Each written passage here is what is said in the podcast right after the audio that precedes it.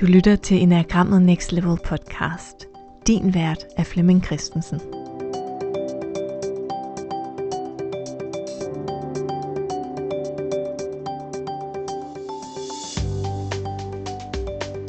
In these episodes on the International Enneagram, we travel around the world to some of the best and brightest experts in their field. Flemming Christensen has invited his international colleagues to join him on the podcast. So take a second to tune in on this episode, which will be in English. Welcome to this next episode of the podcast called Enneagram Next Level. And uh, this episode is the third episode with uh, you, Khaled and uh, I'm really excited about the topic of uh, of this time. So welcome, and uh, look forward to having our conversation here. Thank you, Flemming. and uh, yeah, I guess we're getting in deep now. So now we're getting in deep. Well, the first episode was a a little by, a bit about your personal story. Uh, you going uh, deep in your more, let's call it safe studies of um, especially your father wanted you to say okay do engineering first and then you can do philosophy and all the other things after. And until there, you you really had to kind of change your life and and and, and follow a deeper calling. And in um, in the second in the second episode we were talking a little bit about your approach to the enneagram and how you you think we should see uh, the enneagram or work with the enneagram? And uh, in, in this episode we'll be talking about uh, the integral the integral enneagram if, if such thing is exists. But before we do that uh, i'll go a little bit back to a personal question. Uh, i know you have a family with uh, several kids and uh, what would be your hope? Now you have shared your own journey with you, with us here, and uh, and uh, at, at one point you you went into some transformational work with yourself. Uh, what is your wish or hope for your children? Wow, wow, that's a a strong start. So yeah, as you know, I have uh, six lovely kids, and I really wish for them that they that they have an expanded heart, an expanded spiritual heart in their journey. This sense of of being, and they will go through their life with all its ups and downs, with all its sufferings and pleasures, just like everyone else. But it's this sense of equanimity, this sense of serenity that can, I don't know if the word is right in English, pervade, like be all encompassing of their journey. Mm. That's what I would mostly desire for them. May they always keep a piece of heart in the midst of the waves of life. Hmm. Thank you. I know this was not what you have expected. but thank you for uh, sharing from your heart. So, getting into the topic of um, of this episode that is that is integral, and um, just hanging out a little bit about family and our children. Do you think that they are ready to, like next generation? Do you think they're ready to think integrally in a more broad sense? They're definitely much more ready than we ever were. Just like we are more ready than our parents were. And journeys in life, I mean, there's no one ahead of anyone. we all find ourselves in a place. Again, if you find, if, if you can see yourself as just a part of a bigger system, then you realize that the system brings you in for a function. It's like we are part of this huge living organism. It's like a cell in a body. And the cell is generated in our body to do a function. And just by doing the function with serenity, with peace, it just passes through its time. So every generation, the whole generation is just again a cell in the entire system.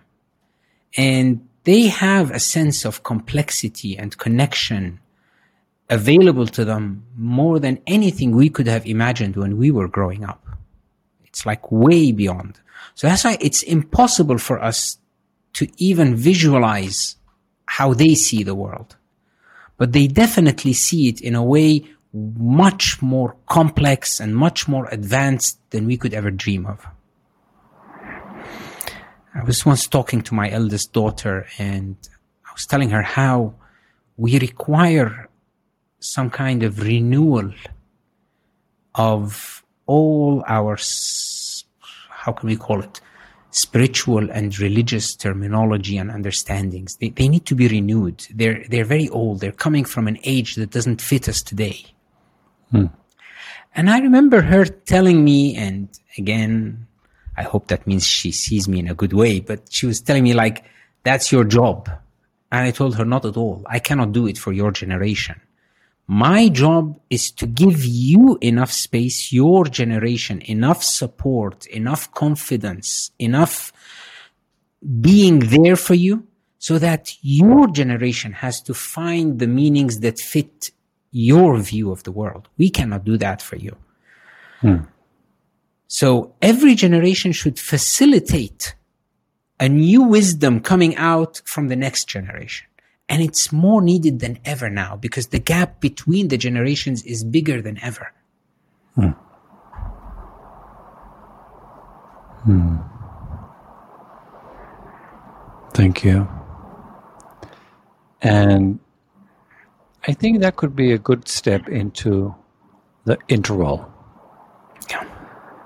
Um, there are different I don't know if I should call them stages or or, or, or levels of uh, hmm, maturity or perspective or seeing myself and, and others.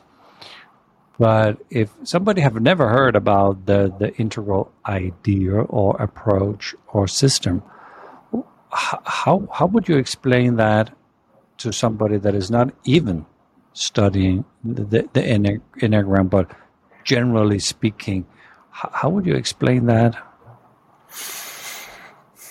I would, uh, or let's say, I usually start by reflecting on our own individual journey. So there are two parts to our life journey. One is as little kids growing up, our understanding of the world around us and our hopes and desires and dreams about the world around us, they were always changing. They were always developing. So I start with an exercise. Try to remember the world when you were just in KG, kindergarten. What were your fears, your desires? What were your greatest hopes? How did you see the world around you? How big was the world? How complex was the world? And then, after you spend some time in that state, now go back to your fifth grade self. How different was the world in your eyes when you were in fifth grade from how it was when you were in kindergarten, then when you were in high school. Totally different world with different fears and different desires and different values and different hopes.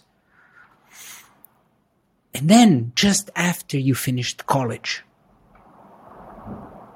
how did the world look like? Then after you had a relation and maybe you had a child and you had a job and a career, Now, how does the world look like? If you just take these five milestones, you see a growth or a development in complexity. The world looks very different from these five. And how we deal with the world and what we want from it and how we live in it is very, very different. Our concerns are different. And this is a process of growing up. Literally. I mean, it's just what the world says. Growing up. We are growing up. Now, that is your individual journey. But one of the magnificent realizations that really needs some contemplation is that when you look at the entire journey of the universe, of life, of earth, of, of everything, it's as if once we reach collectively a new milestone of growth, then that milestone of growth comes very easily to the following generation. I'll give an example. Look at how we talk today about the journey or the life of the universe from the Big Bang, all energy in a no space, no time, infinitesimally small space and no time, into breaking up, into multiplicity, into expansion, into growth, into taking form, into taking structure, and then a living cell, and then we have multiple cells and then these multiple cells start to create organisms and then animals and then mammals and then emotions appear and then higher primates. That entire journey, which today we say is like 13.8 billion years, can be seen in the conception and growth of the infant in the womb. you can see those 13.8 billion years in front of you manifesting in a few months. So, these milestones that we said, that kid in kindergarten, most probably that was as advanced as the early humanoids or early Homo sapiens or before them. That's advanced as they would reach, let's say, 50,000 years ago or 100,000 years ago. But then that came easy to everyone. And then the next step, starting to count on our fingers, starting to build basic tools, starting to seek things in a different consciousness that came up later. So this journey I just told you about that you went through, humans have gone through over hundreds of thousands of years. It took you 20, 25 years. It's about when we reach this plateau this maturity of consciousness. And all of us will go through this journey automatically, unconsciously, depending on our culture, our parents, our resources. We will have different maturities in it, but we don't really have much say in it. None of us does. It's actually from these early 20s upwards that we start having uh, an effect. Most people can reach this 20, 25 years and that's it. They plateau at that level until they die. They are just going around in the same problems and the same issues, just in different shapes. So instead of fighting with my boss, I'm fighting with my wife, I'm fighting with them, but it's the same concerns. It's, that's it. The, the consciousness has stagnated. And it's actually the few that are the pioneers that start to go beyond that, start to discover new ways of seeing the world, new ways of functioning in the world. And we can see that in human civilizations. So as early as the tribes, and then these tribes moving into bigger nations, and then empires, and then uh, countries and then bureaucracies and then industrial age and scientific revolution and then this itself just looks like these 25 years we were talking about but in several thousand years of humanity. So it's these fractals these patterns that keep repeating that by observing them around us we can start to discover them within us and then we get to realize that we have been limited in how we see the world. We always will be. We're seeing the world through our mind, and our mind's complexity will always have a boundary, but it can be more expansive. So it's just about being more expansive. And with every new expanse comes more degrees of freedom, how we can have more options, how we can create more complex solutions, which, as we said in one of the earlier episodes, will bring greater advantages and will also bring greater threats. So the way So, the so you're talking yeah, sorry, yeah. um, just to understand it, it correctly. So you're talking about patterns. There are some very universal patterns to how things develop and grow. Yeah. Archetypal patterns. Okay, so whatever I've wanted or not, my first 20 years have brought me through different stages mm, using a certain pattern or methodology that can be seen in many, many, many other things that kind of develop or have an have a have a evolutionary approach to it. Yeah. Okay. And, and that's why we can talk about the naughty twos. And we can talk about the rebellious teenager.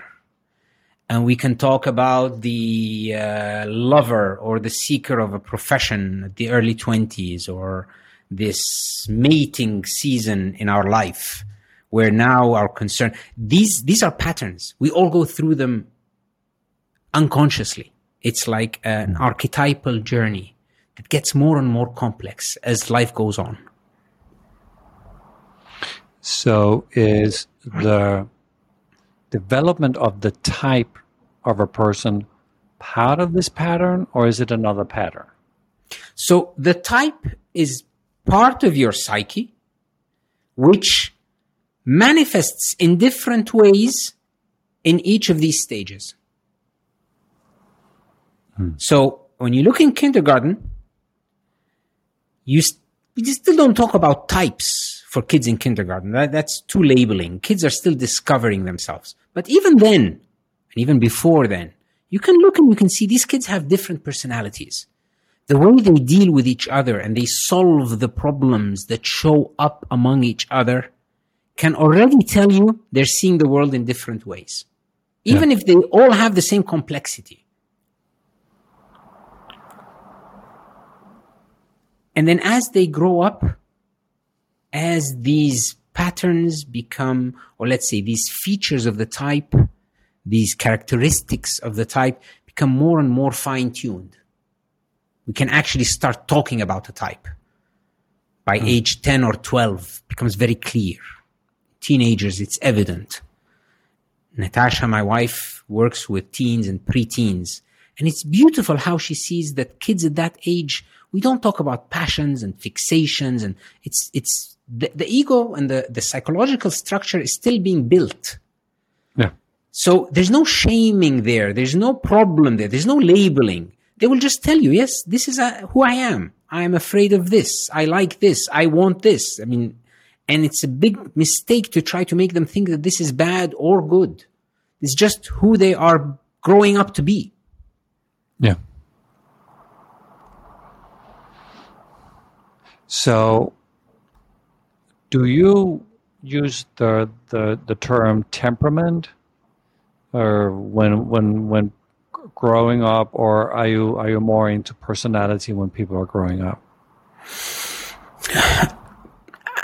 I mean, I don't go into that much detail because I don't really discuss teen and preteen. As I said, I leave that for my wife. Hmm. So I call it just a growing up process, going Okay. through stages. Okay. Okay. Okay. phases of life. So before 2025, I wouldn't call them stages. I would call them phases of life. Okay. Okay. I would start talking about stages 22, 23 upwards. Okay. And uh, what's the difference between a phase and a stage? Again, from how I see it, phases happen automatically. It's a phase, you know, an, an apple growing on a tree. It passes through phases. Yeah. But stages, the ego has more say in it. It's like I want to, I want to stand on this step. No, I want to take a step upwards. No, I want to take a step downwards. It's like there's more interaction between the outer and inner world. Hmm. While the phases happen automatically, there's not really much that you can do about it. You cannot accelerate the growth of an apple. You should just let it go through its phases. Okay. So maybe somebody that understands the Enneagram and have studied the Enneagram listening to us uh, knows that Don and Russ made some levels. Are you talking about the same thing or is it different? So, what we've been talking about here is the growing up stages. And the growing up stages are more about the cognitive complexity, the worldview. What Don and Russ did is more in the waking up side. Mm-hmm. That is the connection again between multiplicity and unity. This journey from being separate and defensive and afraid, anxious, to the sense of connection and channeling the divine wisdom, the divine grace, the divine power, and by divine, this higher force that runs and pervades everything in the universe. How closer you are to it, which brings peace and brings serenity inside. It's as if it's a journey from fear and anxiety and shame to a journey of love and connection and peace. So Don and, and Russ, their levels of development are a part of the waking up process. And again, Is this is a more- very different journey than the growing up process. Hmm. So could you do the waking up without the growing up? Yes. So you could have, so the growing up, let's say, just to give simple examples, you can have this tribe in the Amazon, compare it to the uh,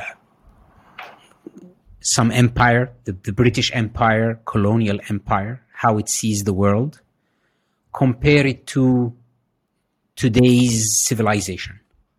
These are, let's say, three stages, very distinct stages. Now, in a tribe, you could have a very enlightened shaman, like how they portray for us, for example, many of the early Native Americans.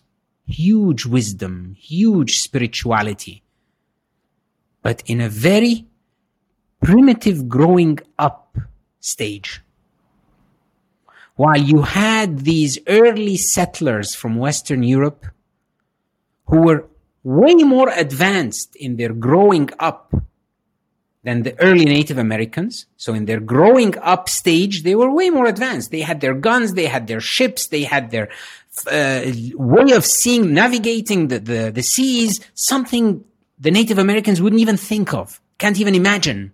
It's beyond their cognitive complexity. Yet, again, stereotypically, we're not talking about individuals, but stereotypically, they were way below those very spiritual, very connected to nature Native Americans that we see in movies and that they talk about. So the Native Americans, again, stereotypically would be much lower in their growing up stage while they're much higher in their waking up stage. Hmm. While the early settlers, at least as a mass, not as individuals, were much more advanced in their growing up, but way less advanced in their waking up. And this makes me think of an organization or a family where people are on different levels and the dynamic between we're not even talking about the enneagram here i'm just thinking Yeah. about our with with the with the perspective of, of stages um, do you see that that could create our our confrontations or misunderstandings or problems if if people are kind of navigating from different levels and I, I actually tend to say that almost all of our problems, I mean, that's an exaggeration, but let's say most of our problems come from conflicting growing up stages. Hmm. And the solutions to our problems can only come from high waking up stages. and how could the the idea about the stages benefit from also including the work of the enneagram or how can the work with the enneagram benefit from working integrally What's Let's say, how can the human benefit from integrating the wisdom of the integral and the enneagram in their life? okay So that. again, it comes back to human as an individual or as a species or as a collective. And one of the most profound things is, as you said, on a collective state, on a collective level, conflicts, differences. So uh, I was asked uh, a few weeks ago to give a session in a university, and I called it the generation gap. And the generation gap is a gap of growing up. How the experience and the knowledge of the parents is greater than the kids, but the kids actually have access to higher growing up stages than their parents. So this is a big dilemma. And it requires the parents to have enough wisdom to understand that the kids don't see the world as they see it. They have greater access to secrets and mysteries we don't know about. So we shouldn't confine them in our view. But at the same time, we have much more experience and wisdom to help guide them on their journey. Not on a journey we can draw to them because we can't imagine their journey. But we can support them in their journey through our wisdom, through our experience, from where we are. And that requires a big capacity of heart to hold that space. And now enter the Enneagram into this, and you start seeing even our different purpose in life, our different meaning of existence from an Enneagram perspective. And then you can even add greater complexity, which means greater profound effect in these relationships when we can even personalize them according to the type. Now, that's on a collective level. What about an individual level? On an individual level, these stage theories and the growing up and the waking up and the Enneagram are more about knowing yourself, which tells you your powers, your superpowers, as I call them, and tells you your limitations. It's about discovering what am I meant to be and where am I stuck? Because when I'm not freely flowing through what I'm meant to be, this is when suffering happens. It's as if there's resistance. My mind wants something, but my heart is flowing in a different direction. And it's by balancing and creating synthesis within that we have this inner peace, this inner stability. And it's only through this inner stability that we can shine shine on into the world with the greatest light of divinity that flows through us. So when we are dealing with our children, they have a cognitive capacity already there that we will never understand. I would call it a cognitive complexity. Maybe not capacity yet, but a cognitive complexity. They see the world in a different eyes. And uh, we will not be capable of seeing with those eyes. We have some life experience we want to give them. And we can only do that by being present in our heart, like higher stages of the heart, so we can uh, guide them or comfort them or um, encourage support, them, support them. Yeah. support them. And what you are teaching at your school in Cairo um, is knowing your type, you can actually also integrate the integral idea um, specifically per type so you can point to a path or some steps that could be suggested for each type to do. To go through. Yes. That's very okay. precise what you're saying. And i do call it as you mentioned earlier in the session i call it the integral enneagram model. So that's exactly the name i give it. Okay are maybe somebody here is curious and say, hey, I, I don't know if I have time to travel all the way to Cairo to or learn more from this individual called Khaled El-Sherbini. So how can I learn from him? Or do we do anything online or is, is something available from your hand for people who who is not kind of living next block? Actually, right now I do all the programs online in both Arabic and English. So this is oh. the latest expansion that we've had. Everything is available online and it's repeated once purely in Arabic and once purely in English. I have a large uh, base now and I have lots of teachers, local teachers that teach in person in different places around Cairo, Egypt until now, but we also have some expansions happening. Plus, I like to travel and go in person to new markets and new places to, so it's not that everything is, de- I mean, in the past, everything was delivered in person no, now yeah. the in person is supplementary to the online. Mm, mm, it's mm, more of okay. a connection. So I have a big uh, community now in Dubai that showed up because of this online. That's why I like oh, to go to them from time to time to Dubai, give a little workshop, give a little meeting there, um, having more communities showing up in different places. And I always try to organize like small workshops or meetings or courses with them in these places to get an mm. in an in-person experience. Oh, I get it. Mm. So, um, if I should find you, it's it's like uh, we'll put the links in and everything. But if people are kind of uh, eager, then is is it look for Enneagram Egypt and then they will find the way, or can you yes, be more specific? On directly yeah. enneagramegypt.com yeah. And EnneagramEgypt.com will have all the information and our right. learning portal where you can register for the courses and get all the ideas of the courses is on courses.enneagramegypt.com. So, okay, and if okay. you just search by Enneagram Egypt, it will just show up immediately. Yeah. Well, we'll give people some links here to enjoy themselves with, but um, yeah.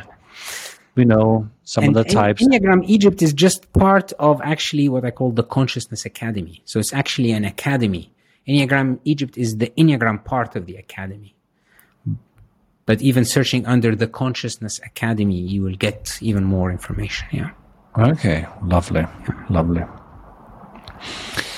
This is our third episode, and we have promised to uh, to find each other again here uh, online to do one or two more. We have one or more two topics. Uh, is there something that you would like to add here at the end about the integral, or did, did I did I miss something that you think is is important?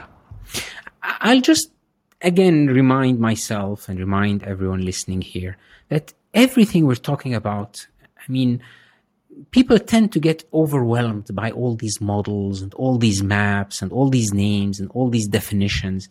And I just want to remind people it's, it's just a journey and we're just looking into ourselves. So don't hold on too strong to definitions. Don't feel overwhelmed.